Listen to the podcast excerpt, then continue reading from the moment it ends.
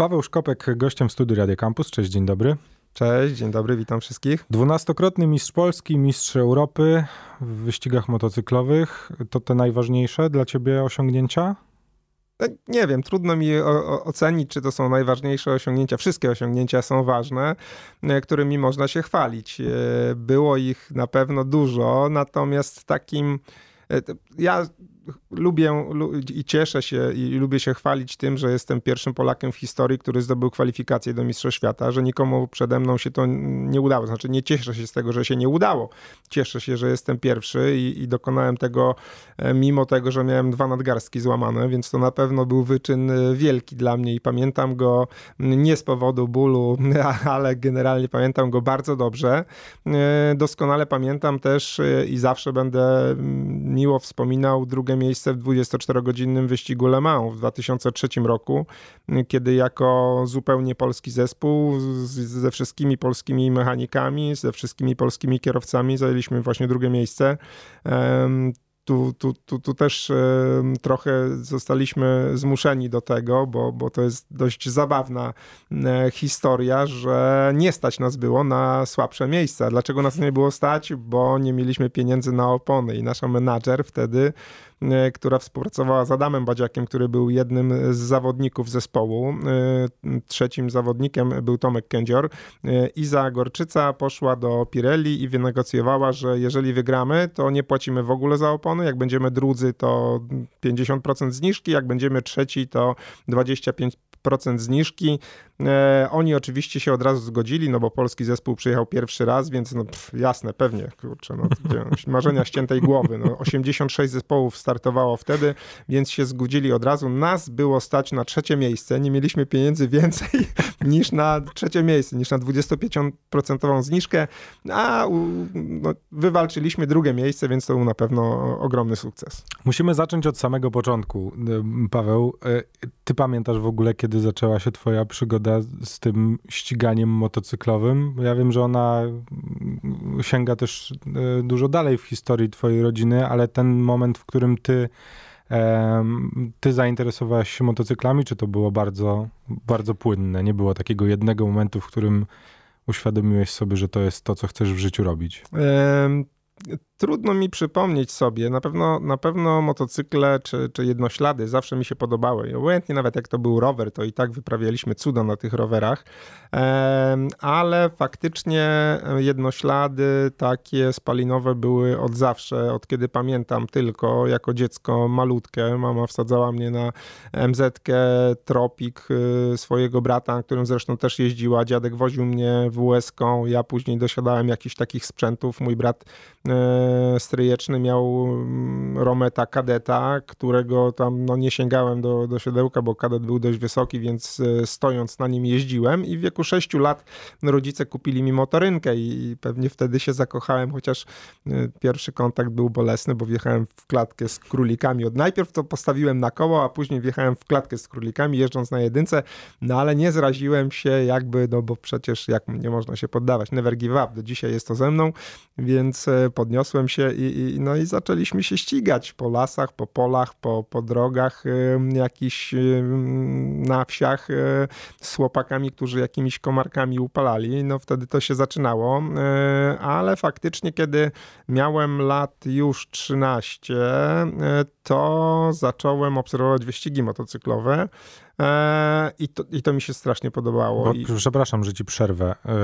W tym momencie jeżeli ktoś chce obserwować wyścigi motocyklowe w Polsce, umówmy się, nie jest to łatwe. Jak ty miałeś 13 lat, jaki był dostęp do tego? W sensie, gdzie ty obserwowałeś te wyścigi motocyklowe? Wiesz, bo ja mam świadomość tego, że nadal, jeżeli mówimy o o mainstreamie to wyścigi motocyklowe są swego rodzaju, nie oszukujmy się, fanaberią, nie? No na pewno tak. Na pewno wyścigi motocyklowe nie są popularne, bo zawsze jak mówię, a, że ścigam się, że jestem mistrzem, to co, na żużlu? Ja mówię, no nie, nie na żużlu a to taki motocross skaczecie, a my no nie, no nie skaczę. Tak jak mówię Robert Kubica, na, e, tylko że na czterech kołach, tak ja na dwóch, dokładnie tak samo, e, często te same tory wyścigowe. E, ja pamiętam, że na pewno gdzieś w telewizji się przebijały jakieś e, urywki, czy jakieś wycinki wyścigów, czy to było w e, dzienniku wiadomości, czy nie pamiętam w jakich programach, ale wiem, że na pewno widziałem przynajmniej przez e, pewnie naście albo kilka sekund jakieś wzmianki i wiem, że mi się to strasznie podobało i na pewno widziałem to w telewizji. Nie pamiętam dokładnie gdzie, ale wiem, że widziałem i słyszałem e, nazwisko też e, John Kociński e, polsko brzmiące, zresztą z pochodzenia John Kociński, dziadek był Polakiem, mistrz świata zresztą i, i, ja już wtedy wiedziałem, że no, chciałbym kiedyś się ścigać. Oczywiście to były marzenia śniętej głowy. E, tak mi się wtedy wydawało, e, ale próbowałem. Próbowałem gdzieś się pochylać na zakrętach. No śmieszne czasy, bo to ani opony, ani motocykle. To wszystko wyglądało pewnie słabo. Dodatkowo było to mm, chyba niebezpieczne, bo te motocykle no, no, nie były jakimiś super wyścigowymi sprzętami. Co prawda ja miałem nowe motocykle, bo byłem tym szczęściarzem, że, że, że rodzice kupowali mi nowe motocykle. Simpson tylko, którego miałem w wieku 11 lat, nie był nowy, był używany, miał dwa lata, ale był naprawdę w super stanie technicznym a później już 13 e, lat MZK 251 i te właśnie pierwsze moje myśli, że kiedyś chciałbym się ścigać. Zresztą rodzice, czy ojciec zawsze mówił, Paweł, znajdź sobie coś, e, weź, pójdź do jakiegoś klubu, nie wiem, czy to będą go karty, czy motocykle, czy, czy, czy jakiś motocross, znajdź sobie coś, e, w czym będziesz mógł jeździć, bo być może widział to, że ja jestem takim właśnie jakimś freakiem e, motoryzacyjnym. Zresztą mój ojciec miał firmę transportową od kiedy ja miałem 7 lat, więc motoryzacja była zawsze u nas w rodzinie. No ale ja jako dziecko, mm, pewnie dziesięcioletnie wtedy gdzieś około, poszedłem do Płocka do, do, do wydziału jakiegoś PZMOT-u. To było, pamiętam jak dziś, w wieży ciśnień. Pamiętam jak dziś, dlatego że e, brzydko się ze mną tam obeszli, potraktowali mnie, no ty, synek. Zresztą no, to były zupełnie inne czasy. Dzisiaj trudno opowiadać ludziom, którzy nie pamiętają tamtych czasów, jak się nie miało dużego brzucha, wąsów i w ogóle to co albo tam... Albo wujka. Albo wujka w partii, to co tam można było sobie pogadać. No ale to trzeba było poważnie wyglądać, więc ja poszedłem, mówię, że chciałbym jeździć, no oni się roześmieli, dziecko, gdzie ty przyjdź z ojcem, e, to może pogadamy. No trzeba było chodzić z ojcem. E, dzisiaj nikt e, dziecka nie, nie, nie spuści tak po prostu po, po, po rynnie, bo, bo nie wiadomo, co to dziecko sobą reprezentuje. Ale kiedyś było zupełnie inaczej i, i mm, powiedzieli przyjdź z ojcem, ojciec nie miał czasu, wiecznie pracował po to, żebym ja miał czym jeździć pewnie, dlatego cieszę się z tego powodu, no ale nie ułatwiło mi to startu. To się odbyło dopiero dużo, dużo później, w wieku 21 lat po raz pierwszy pojawiłem się na torze z moim kolegą z Płocka, bo mieszkałem pod Płockiem. E, spotkałem go gdzieś u mnie w miejscowości. E, nie miałem co robić. On mówi, że jedzie na wyścigi. Ja w sumie mówię, kurczę, nie mam co robić, to, to, to może z tobą się zabiorę. I pojechałem e, faktycznie, był Andrzej Lewandowski, późniejszy wicemistrz Polski. Mm, chodziłem za nim, nosiłem opony, czyściłem mu e, kask, motocykl, słuchałem tych opowieści błękitnej wstęgi przy e, grillach, bo, bo to była bardzo piknikowa atmosfera wtedy i wszystko chłonąłem, e, rejestrowałem. Śmieję się zawsze, że Bozia nie dlatego dała mi odstające uszy, żebym śmiesznie wyglądał, tylko żeby dobrze słyszeć, więc ja wszystko rejestrowałem, układałem sobie w głowie, potem Andrzej dał mi się przejechać tym motocyklem e, bez kasku, bo mówi, wiesz, żeby było bezpieczniej dla mojego motocykla, to bez kasku, to nie będziesz szalał. No to śmieszne czasy były w ogóle, zwariowane miło się to wspomina, ale było to dość niebezpieczne, bo te motocykle były już naprawdę szybkie. No i zachorowałem. Jak dał mi się przejechać po tym torze, to już, to już przepadłem. Po prostu dokumentnie. Sam miałem już wtedy firmę e, swoją transportową, więc stać mnie było już na kupienie e, motocykla jakiegoś. E, no i tak zacząłem w roku 98 od pucharu Honda NSR i od pierwszego wyścigu zacząłem wygrywać, więc chyba dobrze się nasłuchałem, mimo że zawodnicy byli już bardziej doświadczeni ode mnie, czy no tacy, którzy już startowali w zawodach, ale dobrze mi poszło i tak już zostało do dzisiaj. To już ładnych parę lat, już ćwierć wieku. Chcesz mi powiedzieć, że to no właśnie, wsiadłeś na motocykl, pojechałeś w pierwszych zawodach i wygrałeś po prostu. I to tak. były. Wiesz, mówiąc o tym, to jest w ogóle też ciekawe, bo to będzie swego rodzaju wyjściem do, do naszej dłuższej rozmowy o tym, co się dzieje teraz i jak teraz szkoli się zawodników, jak bierze się młodych e, chłopaków, dziewczyny. Też. Też, dobra, tu ważna, ważna sprawa. Pod swoje skrzydła i jak e, próbuje się ich przeprowadzić przez drogę, no właśnie, ty, tak jak wspomniałem na samym początku, tych tytułów Mistrzostw Polski, tytuł Mistrza Europy no w swoim dorobku masz, sam wspomniałeś o tym 24-godzinnym wyścigu w Le Mans, no to są rzeczy, które jak ktoś nawet cię nie zna, nawet jak ktoś nie śledzi w żaden sposób historii motocyklowej w Polsce, to jak zobaczy takiego człowieka jak ty, no to musi budzić respekt, nie? W sensie, no to nie jest, no, no nie da się tego wygrać z ulicy, no wiadomo, że czy Mistrzostw Polski, czy Mistrzostw Europy nie zdobywa się od tak i też nie da się tego zrobić robić samymi pieniędzmi, no nie oszukujmy się. Czy to jest w takim razie wyjście mm, w tym momencie, jeżeli o tym mówimy, o, o tym, jakie ty miałeś możliwości, jakie możliwości teraz w sumie to sam tworzysz mm, dzieciakom, którzy chcieliby pójść, no właśnie, twoją drogą?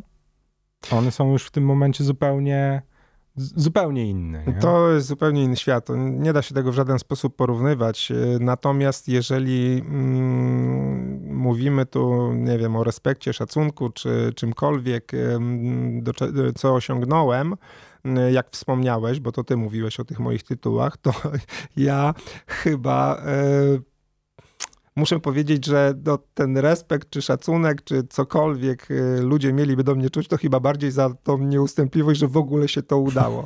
Jakikolwiek tytuł i czy w ogóle się dało przetrwać, bo to było naprawdę trudne. To, to jeżdżenie na motocyklu dla mnie osobiście było najłatwiejsze e, ze wszystkiego, co trzeba było po drodze zrobić, żeby, żeby no, zdobywać te tytuły, żeby znaleźć pieniądze, żeby znaleźć sprzęt, żeby e, znaleźć możliwości. No, to wszystko nie było łatwe, nie było internetu, kontaktów. E, no, no naprawdę było bardzo, bardzo ciężko. Wszystko musiałem e, gdzieś szukać, przecierać szlaki.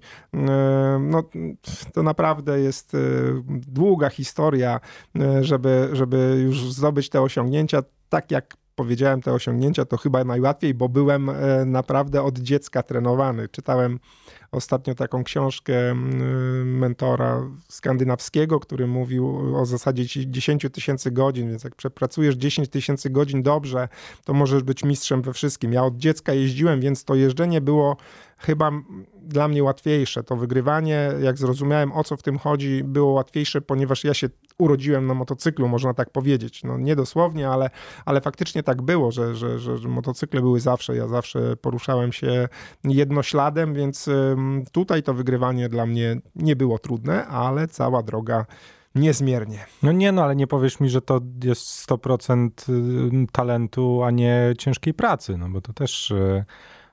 Dobra, mam tu takie pytanie po prostu zapisane. Czy w mm. sportach tych motorowych, jednośladowych, ile, ile. No bo wiesz, mamy mm, takie sporty. Sport, który zna każdy w Polsce, nie? Piłka nożna odwieczna dyskusja, czy y, siermiężna praca i kopanie piłki setki godzin, czy to wrodzony talent, czy ta postawa, wiesz, Leo Messiego, który się urodził z piłką przy nodze, czy Cristiano Ronaldo, który po prostu haruje setki godzin, jeździ na rowerze, biega, skacze, zostaje po treningu z piłką. W którą to stronę? Czy jest złoty środek? Czy generalnie... E, właśnie w tej książce wspomnianej przeze mnie jest to książka bez litości. Jest to książka, właśnie tak jak powiedziałem, e, mówcy motywacyjnego, który był żołnierzem, e, służył w różnych misjach. On podaje przykłady, że ludzie udowadniali, że nie ma czegoś takiego jak talent wrodzony. Czegoś takiego po prostu nie ma. Można mieć predyspozycje jakieś tam. Na przykład e, był tam podany pływak, który ma duże dłonie i duże stopy, no więc zasuwa jak płetwami i jest mu łatwiej. Natomiast jeżeli nie przepracuje, to, to, to się nie da. Był tam podany Andrea Gassi, e, przykład Andrea Gassiego, którego ojciec też nie był żadnym tenisistą, natomiast sprzątał korty, chodził po kortach i stwierdził, że jego syn będzie grał. Powiesił mu piłkę tenisową nad głową, kiedy się Andrea Gassi urodził, a w wieku dwóch lat przywiązywał mu power tape'em pełnowymiarową rakietę do ręki i, to dziecko zasuwało z tą rakietą, więc się uczyło tego wszystkiego i Andrea Agassi, e, no myślę, że nazwiska, e, nazwisko każdy zna, więc e, no tutaj ciężka praca i, i, i to ja to też nie talent. Ja, tak jak powiedziałem, urodziłem się prawie na motocyklu. Ja na nim spędzałem strasznie dużo czasu i, i, i, to czucie motocykla pewnie gdzieś mi zostało i było dla mnie łatwiejsze, dlatego że E, setki czy tysiące godzin na tym motocyklu spędziłem. Bez tego się nie da. Sam talent na pewno nie wystarczy i czy to jest Messi, czy to, tak jak powiedziałeś, urodził się z piłką, dlatego że się urodził z piłką, dlatego że od dziecka miał piłkę przy nodze, to może jest mu łatwiej, bo o, dla niego to jest tak, jak dla ciebie oddychać. Nie zastanawiasz się, czy dla naszych słuchaczy, jak y, chodzimy, no to żaden z nas, żadna z nas się nie zastanawia, postawić lewą czy prawą nogę najpierw, y, no po prostu chodzimy, nikt się nad tym nie zastanawia. Jak y, taki Messi urodził się z piłką przy nodze, czyli miał ją cały czas, to on bez piłki mu pewnie dziwnie chodzić. No, tak jak mnie dziwnie chodzić po drodze, wolę na motocyklu. Znaczy na motocyklach nie jeżdżę po drogach, ale faktycznie tak, na torze jak najbardziej. Jest jeszcze jeden bardzo ważny aspekt dla naszych słuchaczy, którzy nie jeżdżą na motocyklach. Wiem, że spora część naszych słuchaczy to także motocykliści, bo, bo sam mam okazję czasem z nimi rozmawiać po prostu. E, jeszcze pozostaje ten faktor, jakim jest sam motocykl. Czy to jest w Twoim przypadku tak, że nieważne jaką maszynę ktoś ci podstawi, jesteś w stanie po kilku zakrętach wyciągnąć z niej maksimum? Czy ten faktor sprzętowy też robi różnicę? E, tutaj muszę tylko zrozumieć, jak działa ten motocykl, jaki mam moment obrotowy, w którym miejscu poczuć to, bo ja jakoś dziwnie czuję to. Obojętnie w co nie wsiądę, to ja po prostu zaraz czuję i nie muszę chodzić na, y, oglądać wykresów z hamowni, czy nie wiem, mm, patrzeć na charakterystykę silnika, ja to po prostu czuję. Nie wiem, no tak mam, że to czuję i, i bardzo szybko. Ja nigdy nie miałem problemów z adaptacją do, do motocyklu, bardzo szybko się odnajduję na nich. Oczywiście nie da się e, pojechać na motocyklu, który nie jest ustawiony w sposób, jaki lubimy. To, to, to jakby musi być maszyna ustawiona. Dzisiaj, e, jeżeli chcemy jeździć szybko, to są bardzo już techniczne sprawy i pewnie ciężko ludziom będzie sobie to wyobrażać, ale dzisiaj elektronika, która decyduje o hamowaniu silnikiem, jest naprawdę najistotniejszym elementem. Jeżeli mamy dobry engine brake, czyli hamowanie silnikiem, to nam dużo łatwiej skręcać. To jest trochę mówię, abstrakcja pewnie dla ludzi, którzy nie jeżdżą, ale dla tych, którzy jeżdżą, to pamiętajcie o tym, że jak podchodzicie do zakrętu i zrobicie redukcję, dużo łatwiej będzie wam skręcić, bo tylne koło będzie lekko gubiło e, swoją przyczepność i na pewno dużo łatwiej. Im wyższe obroty będziecie mieli e, i, i to też będzie wam łatwiej skręcać, to pamiętajcie ci, którzy jeżdżą, że redukcja bardzo ważna sprawa e, i wysokie obroty to stabilizuje motocykl. Dobrze, przejdźmy w takim razie do, mm, do tego, co się dzieje mm, w Twoim e, teamie, Szkopek Team, który, no właśnie, który rozwija się od e, kilkunastu, nie przesadziłem? Kilkunastu. No, pewnie kilkunastu, bo, bo tak naprawdę mm, mam brata 10 lat młodszego, którego uczyłem jeździć. E, i już wtedy próbowaliśmy coś robić razem. E, ten tytuł Mistrza Europy w 2008 roku, kiedy zdobywałem, to Marek był wicemistrzem Europy, wydaje mi się tak, nie jestem tego pewny e, albo Pelicon był wicemistrzem, a Marek był trzeci, ale faktycznie jeździliśmy razem. Mm, zawsze byłem lepszy, muszę się pochwalić. I tak jest do dzisiaj chyba. E, ostatni wyścig też to pokazał, że na 12 okrążeniach przejechałem ponad 30 sekund e, z przodu, więc no, ciągle jestem lepszy. Dla Może tych, dla którzy nie wiedzą, to dużo na motocyklach. Tak, to bardzo. Ojej, to przepaść. To nie, to przepaść. To jest tak, że ja wyjeżdżam na prostą, przejeżdżam całą prostą, nie ma długo, długo, długo nic. Ja już gdzieś tam jestem prawie w połowie okrążenia i potem wyjeżdża drugi zawodnik na, na, na prostą. No to jak obserwujecie wyścigi jakiekolwiek, to jest naprawdę bardzo dużo. Więc wtedy na pewno próbowałem jakoś to poskładać, zrozumieć też na czym polega prowadzenie zespołu. Znowu metoda prób i błędów.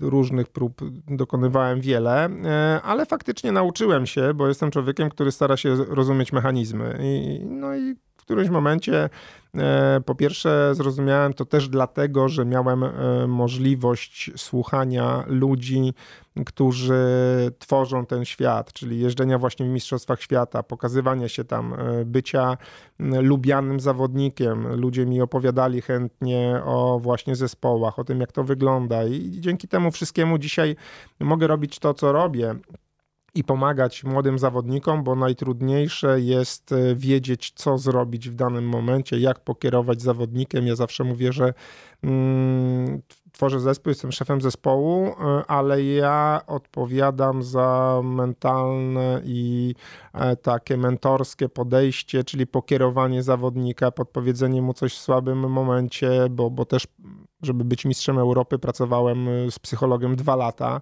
i w drugim roku pracy psych z psychologiem ten tytuł mistrza Europy zdobyłem, bo w pierwszym byłem wicemistrzem Europy. To są ważne rzeczy. No, to, to ta, ta wiedza, którą mam. A, no i po co to robię jeszcze? Po to, żeby nie zmarnować wszystkiego, czego się nauczyłem i e, pieniędzy, które tak naprawdę zainwestowałem w sam siebie, bo wiem, że to być może mi się nie zwróci e, finansowo, ale na pewno jestem szczęśliwym człowiekiem, że wydałem e, pieniądze w ten sposób na siebie. E, I szkoda, żeby to się zmarnowało, więc pomagam innym i wykorzystuję to, co się nauczyłem za swoje pieniądze. Czy widzisz w tym też światełko w tunelu dla polskiego motorsportu? Oj, to tu. Ja wiem, że to ciężki ciężki pytanie. temat. To jest, to jest naprawdę bardzo ciężki temat. Jest na pewno wiele osób, które chciałoby jeździć. Hmm, szczerze mówiąc, nie wiem, czy jest yy, wiele osób w Polsce tak ambitnych jak ja. Tutaj muszę być nieskromny, bo, bo tego nie widać. Yy, szczerze mówiąc, bo ja wszystko postawiłem na jedną kartę. To naprawdę nie było yy, łatwo. To, to, to kurczę, no nie będę opowiadał swojej historii i smutnych rzeczy, bo, bo jestem bardzo pozytywnym e, człowiekiem i jak widać e, wesoło się nam rozmawia, więc mam pozytywny odbiór tego wszystkiego, co było e, po kolei, no bo im trudniejsza droga na szczyt, tym bardziej cieszymy się z sukcesów. No ale łatwo, łatwo nie było i, i, i to wszystko wymaga postawienia po prostu wszystkiego na jedną kartę. I albo się uda, albo nie. Mnie się udało, zrobiłem to. E, być może miałem szczęście, no ale na pewno miałem samozaparcie niesłychane. Nie poddawałem się nigdy w sytuacjach, których inni by już dawno się e, poddali. E, no ale dzisiaj, tak jak mówiłem, mogę się cieszyć, śmiać i. Natomiast faktycznie wybieramy osoby do zespołów pozytywne, ambitne, namawiamy ich, żeby byli bardziej ambitni jeszcze niż być może są i stawiali jeszcze wyżej sobie cele, bo ja taki byłem. Chciałbym, e, pewnie są tacy ludzie, bo nie, nie ma ludzi jakby niezastąpionych. Ja nie mam e, monopolu na to, żeby być najbardziej ambitnym. No, wielu, wiele osób jest dużo bardziej na pewno ambitnych ode mnie w różnych dyscyplinach. Dzisiaj Dzisiaj jednak rządzi troszeczkę e, pieniądz i ludzie bardziej koncentrują się na tym, żeby, żeby ich nie wydawać. Kiedyś może było łatwiej zarabiać pieniądze, przynajmniej mnie. Ja naprawdę zarabiałem, wydawałem, budowałem swój, swoją pozycję. Dzisiaj dzieciaki, e, no inny świat. Ja, ja, ja od dziecka zarabiałem i, i, i, sam decydowałem o tym, na co chcę wydawać pieniądze i jak chcę je inwestować. A dzisiaj te dzieci też zresztą, które mamy, one jeszcze nie zarabiają, więc to jest praca z rodzicami i to jest trudniejsze niż z samym y, dzieciakiem, bo dzieciak może by chciał, no ale ma ograniczone możliwości. Natomiast nas też nie stać na to, żeby wszystkim zasponsorować wszystko, bo my nie sponsorujemy. My musimy znaleźć y, sponsorów, pieniądze, więc jak będziecie słuchali, to oczywiście znajdźcie nasz nasze profile na Facebooku, lajkujcie, komentujcie, bo dzięki temu na pewno ten motorsport będzie się rozwijał, bo, bo, bo ja nie, zam, nie zamierzam z tego zrobić maszynki do, do, do zarobienia milionów. Na pewno chcę z tego żyć, ale chcę przede wszystkim zbudować zespół czy E, na, na, zawodnika znaleźć, którego e, wyszkolę do tego, żeby był, czy poprowadzę w ten sposób, tą drogą, żeby został mistrzem świata. Mam takie ambicje. W jakiej nie pod, klasie? Nie poddam się, słucham. W jakiej klasie? W jakiej klasie? E, mistrz świata to mistrz świata, obojętnie w jakiej klasie, e, bo, bo, tytuł jest tytuł. I e, oczywiście ten tytuł najwyższy to Grand Prix motocyklowe w klasie MotoGP. E, natomiast tutaj to znowu kwestia budżetów. Naprawdę myślę, że chłopaki, którzy jeżdżą, e, zdobywają tytuł mistrza świata w na przykład w Supersportach 300, w kategoriach, w których, czy w serii wyścigowej, w której ja się ścigałem w Mistrzostwach Świata, z odpowiednim budżetem, z odpowiednim czasem, z odpowiednim zespołem. Również mogą być mistrzami świata, bo tak e, jak ja nie mam monopolu na to, żeby być najbardziej ambitnym i najlepszym, tak nikt nie ma monopolu na to, żeby być mistrzem świata jako jedyny. Każdy może być mistrzem świata. Tutaj warto to powiedzieć e, i, i, i, i, warto słuchać tego, co mówię ci, którzy właśnie nas słuchają, że nie ma rzeczy niemożliwych. Ja jestem absolutnie tego pewny. Wszystko jest kwestią tylko odpowiedniej motywacji, e, upartości w dążeniu do celu. Nie ma nikt monopolu na bycie najlepszym, więc każdy z Was, którzy nas słuchają, może być najlepszy w czymkolwiek tylko będzie chciał, jak poświęci temu odpowiednio dużo czasu i energii i na pewno może zostać kim będzie tylko chciał. No poza tym ścieżka jest przetarta, bo mamy już człowieka w, w Moto2, więc można zobaczyć polską flagę na wyścigach tych światowych na najwyższym poziomie i tutaj już nie można powiedzieć, że no już, no już w formule wszędzie już byliśmy, nie? To już teraz sky is the limit. To prawda, to, bo to jest tylko to, Ale żeby nadal uwierzyć. można być pierwszym w MotoGP. Można być pierwszym w MotoGP, można być pierwszym w superbajkach. E, naprawdę, jak ktoś zdobędzie tytuł mistrza świata, to dla mnie nieważne w jakiej dyscyplinie, e, nawet samo bycie tam już, e, to, to już jest coś wielkiego. Ja dzisiaj tak tego nie odbieram, bo ja jeździłem w Mistrzostwach Świata wiele razy, wiele sezonów, natomiast faktycznie, kiedy jeszcze nie miałem żadnego tytułu, nawet mistrza Europy, to pamiętam jak moi koledzy kiedyś pochwalili się, no, może się nawet nie pochwalili, poinformowali mnie, że ich ojciec był olimpijczykiem, że w Montrealu, że, e, że był akrobatą i ja pamiętam jak e, miałem wielki szacunek i, i, i, i bardzo im zazdrościłem. Wow, kurczę, ojciec był olimpijczykiem, że w ogóle ktoś jest olimpijczykiem, to już jest naprawdę e, bardzo, bardzo wiele. Wiem, że, nie, że ludzie do tego tak nie podchodzą, większość ludzi tak do tego nie podchodzi, ale ktoś, kto uprawia jakąkolwiek dyscyplinę sportu i robi to w bardzo profesjonalny sposób, to wie, że samo bycie tam, sama obecność to jest tak jak zdobycie naprawdę dla innych Mistrzostwa Świata.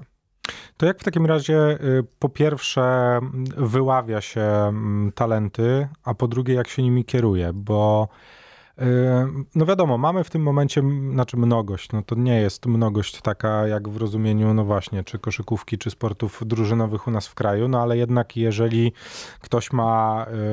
No właśnie, niekoniecznie musi mieć dziecko, ale jeżeli ktoś chce samemu pojechać na tor, na race day, czy znaleźć sobie instruktora, który pokaże mu, podpowie, doszkoli swoją technikę jazdy na motocyklu, no to nie jest już takie trudne. Nie, dzisiaj to nie jest e, w ogóle trudne. Mamy bardzo dużo możliwości w stosunku do tego, co było 30 lat temu. To, to, to w ogóle jest naprawdę bardzo łatwo. E, jest wiele inicjatyw, które, które są i track dayów najróżniejszych i, i, i małych torowań na torach go-kartowych, czy nawet na placach takich e, do doskonalenia techniki jazdy.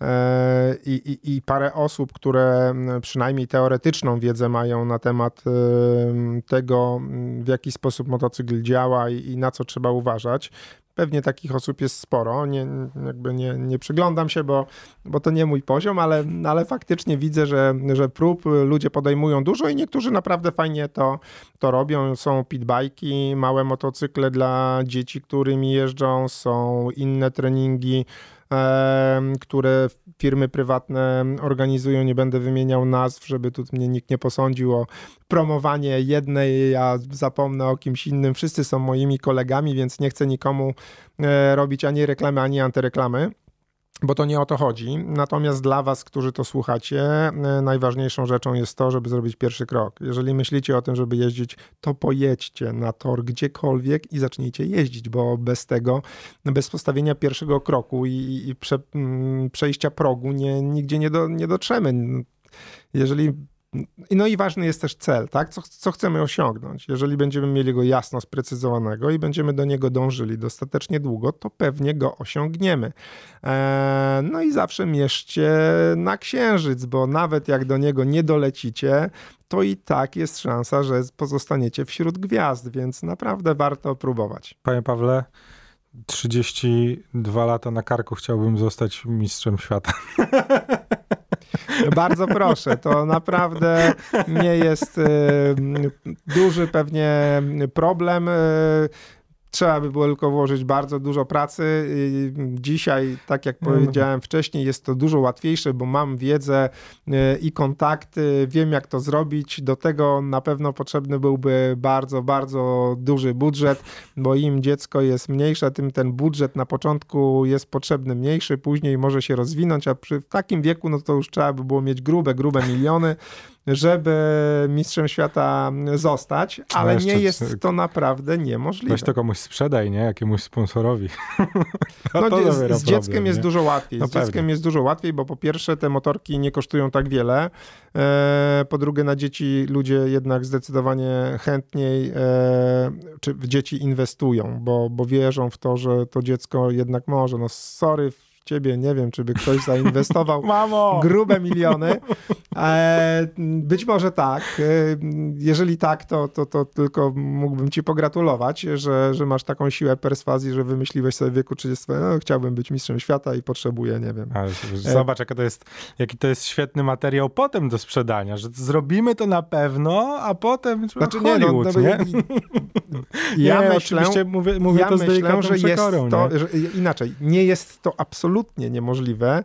E, Troy Bayliss, który był trzykrotnym mistrzem świata, zaczynał w wieku 28 lat się ścigać, więc y, jak powiedziałeś, 32 jesteś tylko 4 lata no, no starszy. No, umówmy się, no, nie że musisz mieć trzech tytułów, możesz mieć jeden. Gdyby wystarczy. Mark Zuckerberg w tym momencie postanowił, że zostanie mistrzem świata, to zapewne byłby w stanie to zrobić. Jemu być może przeszkadzałyby jego pieniądze. E, jemu byłoby łatwiej finansowo. Natomiast nie wiem, czy mm, w inny sposób nie byłoby mu trudniej, e, bo on nie musi. On, on naprawdę osiągnął wielki sukces i, i ludzie, którzy mm, no, tego sukcesu nie mają. Dlatego tak wiele dzieci z jakiegoś Harlemu, czy z jakichś naprawdę dolin społecznych osiągają naprawdę wysokie wyniki, ponieważ oni muszą. Oni wierzą, że jak nie zrobią czegoś, nie wiem, w sporcie, to będzie im ciężko na przykład w biznesie. No bo jak nie masz czego zainwestować, no to naprawdę droga może być trudna. E, I, i, I, to tych przykładów jest na pewno bardzo wiele, bo sport jest łatwiejszy.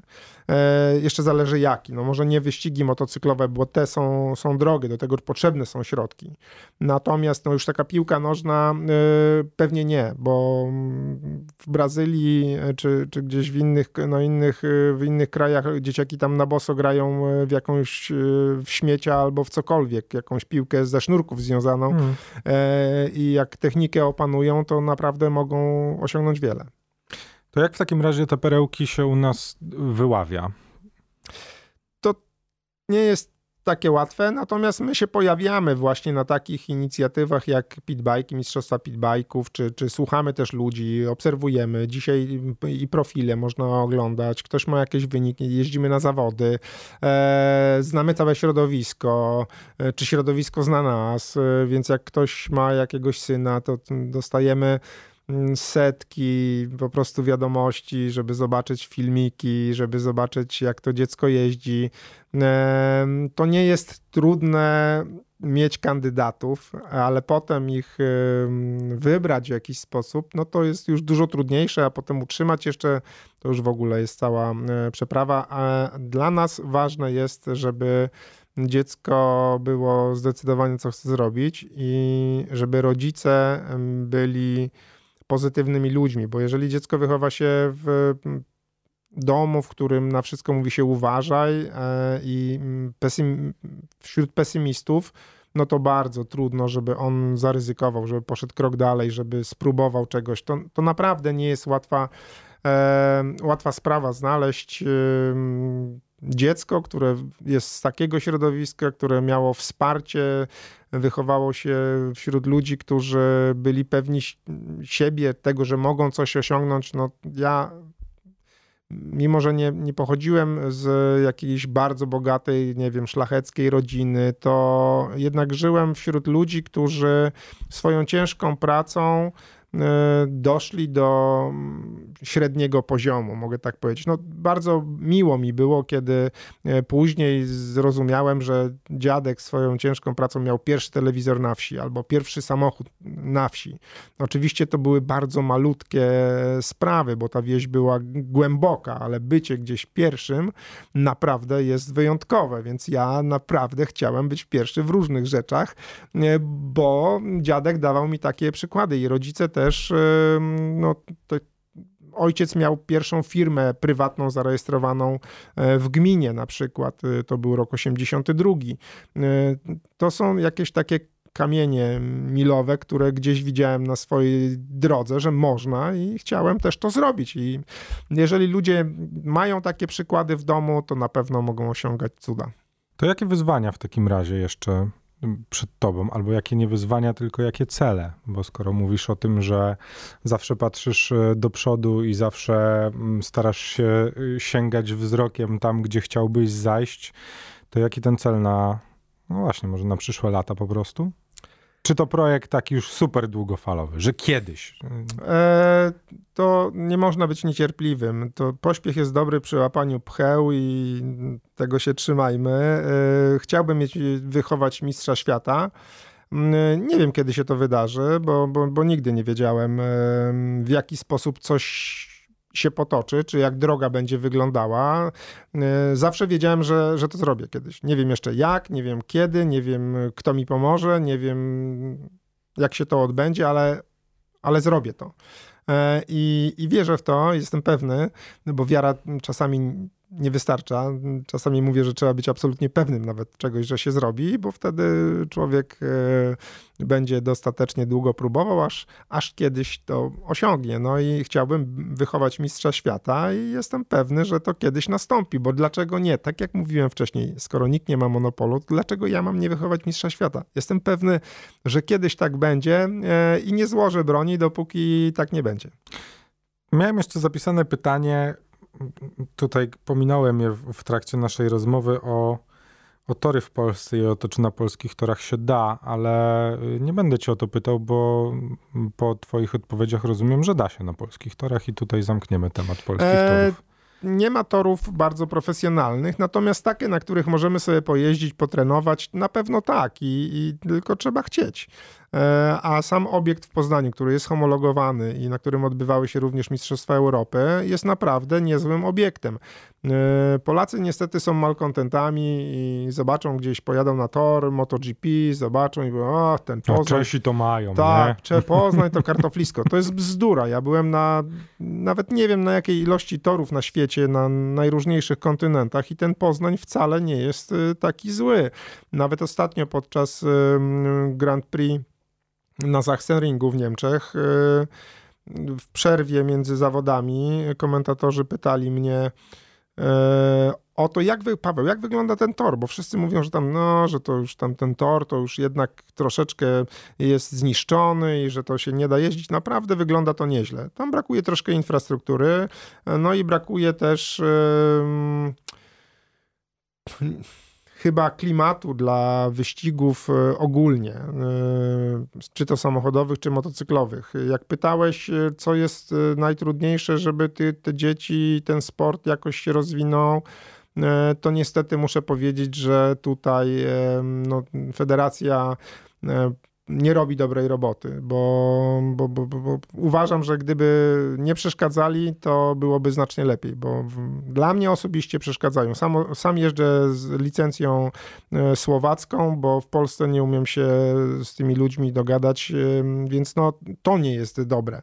Jak się troszeczkę to zmieni e, i, i ludzie zrozumieją, że, że, że jakby mm, my jesteśmy, jak zaczną tak do tego podchodzić, że to zawodnicy są dla nich, a nie, a nie oni dla zawodników.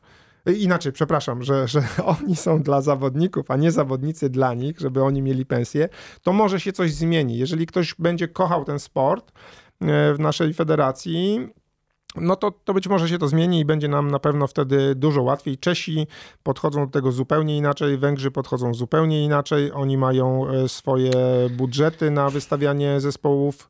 E, oni mają zawodników w Grand Prix motocyklowym no bez tak, problemu. Ale wiesz, no ciężko, ciężko przyrównać. No ja wiem, że bardzo byśmy chcieli, ja też bym bardzo chciał móc przyrównać Polskę do, do Czech, ale a, jednak. I, a ile oni mają mieszkańców? No nie, mają 10 no, milionów, mają nie, no dwa no, tory, na których Grand Prix i Mistrzostwa Świata Paweł, się odbywają. kultura. Y kultura jednak motoryzacyjna, e, jeżeli chodzi o wyścigi, mogę się mylić, to ty jesteś ekspertem, ale w Czechach kultura, jakby w ogóle miłość do motorsportu jest na zupełnie innym poziomie niż u nas. Pewnie tak, natomiast oni są w mojej ocenie zupełnie innymi ludźmi. Polacy są mistrzami świata we wszystkim i, i są najmądrzejsi. No i to jest, y, uważam, duży problem. I każdy zrobiłby wszystko lepiej, każdy ma swój patent na wszystko, e, nie wymieniając znowu żadnych opcji politycznych, ani żadnej, ktokolwiek nie przyjdzie, ma lepszy pomysł niż, niż reszta. I tylko negowanie, e, że no, to jest. Tam ci się to, nie to znają. Jest, ta, ten kurczę, to Kijowo jest. Ja bym to zrobił lepiej. To nie mów, że coś jest kijowe, tylko powiedz, jak ty byś to zrobił. Podaj przykład, daj rozwiązanie. No, ludzie tylko umią naprawdę narzekać, a nie, nie podają e, jakichś konstruktywnych rozwiązań. I, I w Czechach jest to naprawdę mentalność zupełnie inna, bo e, w Polsce ty powiedziałeś, że ja zdobyłem jakieś 12 tytułów, znaczy ja nie jakieś, tylko mistrza Polski, mistrza Europy. Natomiast jakbyś pojechał na takie track day'e, to y, gwarantuję ci, że co najmniej 30% y, odważyłoby się wprost powiedzieć, że gdyby oni jeździli tyle co Paweł Szkopek, to oni by też byli mistrzami albo w ogóle by zaszli jeszcze wyżej. 20% by nie miało odwagi tego powiedzieć, a może pozostała reszta myślałaby, że nie, no może jednak on jest niezły. Ale, a w Czechach jest zupełnie inaczej. Taki Karel Hanika, który został okrzyknięty największym talentem, jaki się urodził, chociaż ustaliliśmy, że talentów nie ma, że to jest ciężka praca. Ale faktycznie dzieciak dobrze jeździł, kiedy jeździł w Red Bull Rookies Cup, bo wygrał wszystkie wyścigi ten Karel Hanika, który przez ekspertów był okrzyknięty no, największym odkryciem, powiedział w roku 2019, e, kiedy jechaliśmy razem i zajęliśmy czwarte miejsce w Mistrzostwach Świata w 24-godzinnym wyścigu Boldor, Paweł, ja bym chciał być tak szybki jak ty, jak będę miał tyle lat co ty. I wielki szacun. I chłopak, który e, jest szybszy ode mnie, ale to, to nie ma żadnego znaczenia. Ja przeszedłem tak długą drogę i tak długo jestem na tym poziomie i z nim jeździłem i potrafiłem nawet z nim wygrywać niektóre wyścigi. On w sezonie był, e, zdobył tytuł, bo, bo, bo ja nieszczęśliwie, że on mi pomógł upaść, bo może bym z nim wygrał. E, tak czy inaczej, mimo jakiejś tam zadry, że jednak e, takiego młodego i naprawdę dobrego zawodnika potrafiłem z nim wygrywać, on uznał to, że kurczę, naprawdę jesteś gość. I nie chodzi o to, że że ktoś ma mi powiedzieć, że jestem na, najlepszy. Nie, po prostu, żeby Polacy uznawali, że ktoś jest, do, jest dobry po prostu. Mo, może mogę być, ale on jest naprawdę dobry. Hanika też powiedział, że no, Paweł, no jestem lepszy, no mówiły o tym wyniki ale ty jesteś gość. Ja chciałbym być taki jak ty, naprawdę nieustępliwy. Wzorujmy się na pozytywach, naprawdę wspierajmy się też niewiarygodne, jak jeździmy z dzieciakami na puchar Yamaha Blue Crew, do którego ich skierowałem, bo uważam, że to jest najlepsze miejsce do tego, żeby doszli do Mistrzostwa Świata.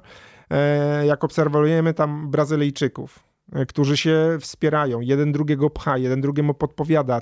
Ludzie jeżdżą, e, rodzice z tymi dzieciakami e, nagrywają wszystkich po kolei. Wszystkie, wszystkie social media, każdy jak może tylko to jeden drugiemu pomaga, żeby oni rośli, bo wierzą w to i wiedzą o tym, że jak postawimy tylko na jednego, jednego, a resztę będziemy dołowali, to nic z tego nie będzie, bo zdrowa konkurencja podnosi poziom. Dlatego ja też mam dwóch zawodników, bo wiem, że oni się nakręcają. Jeden przez drugiego na każdym treningu chce być szybszy.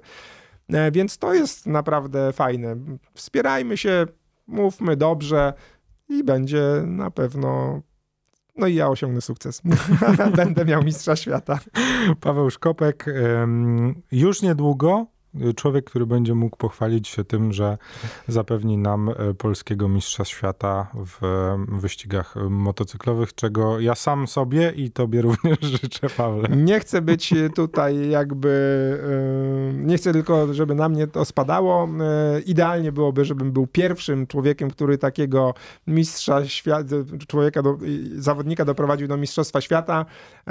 Nie muszę być pierwszy, chociaż miło by było. Życzę każdemu, żeby był mistrzem mistrzem świata, bo to wszystkim pomoże. Naprawdę, e, tak jak mówiłem wiele razy też podczas różnych wywiadów, że bez Adama Małysza nie byłoby żadnych innych polskich skoczków, byśmy mogli zapomnieć o tym, bo, bo to jest polityka. Nikt by nie dostał sprzętu takiego, jak Adam zapewnił całej naszej kadrze i wielu innych zawodników, tak jak Robert Kubica zrobił w Formule 1 nagle, gdzieś tam Karol Barz wyskoczył, bo uwierzył w to, że można. Być może on by był mistrzem świata również, ale dużo łatwiej, bo e, takie przykłady dają nadzieję i pewność, że inni też mogą to zrobić, więc wspierajmy się, miejmy Mistrzostw Świata, bądźmy naprawdę najlepsi na świecie e, i myślmy pozytywnie. Dziękuję bardzo. Dzięki.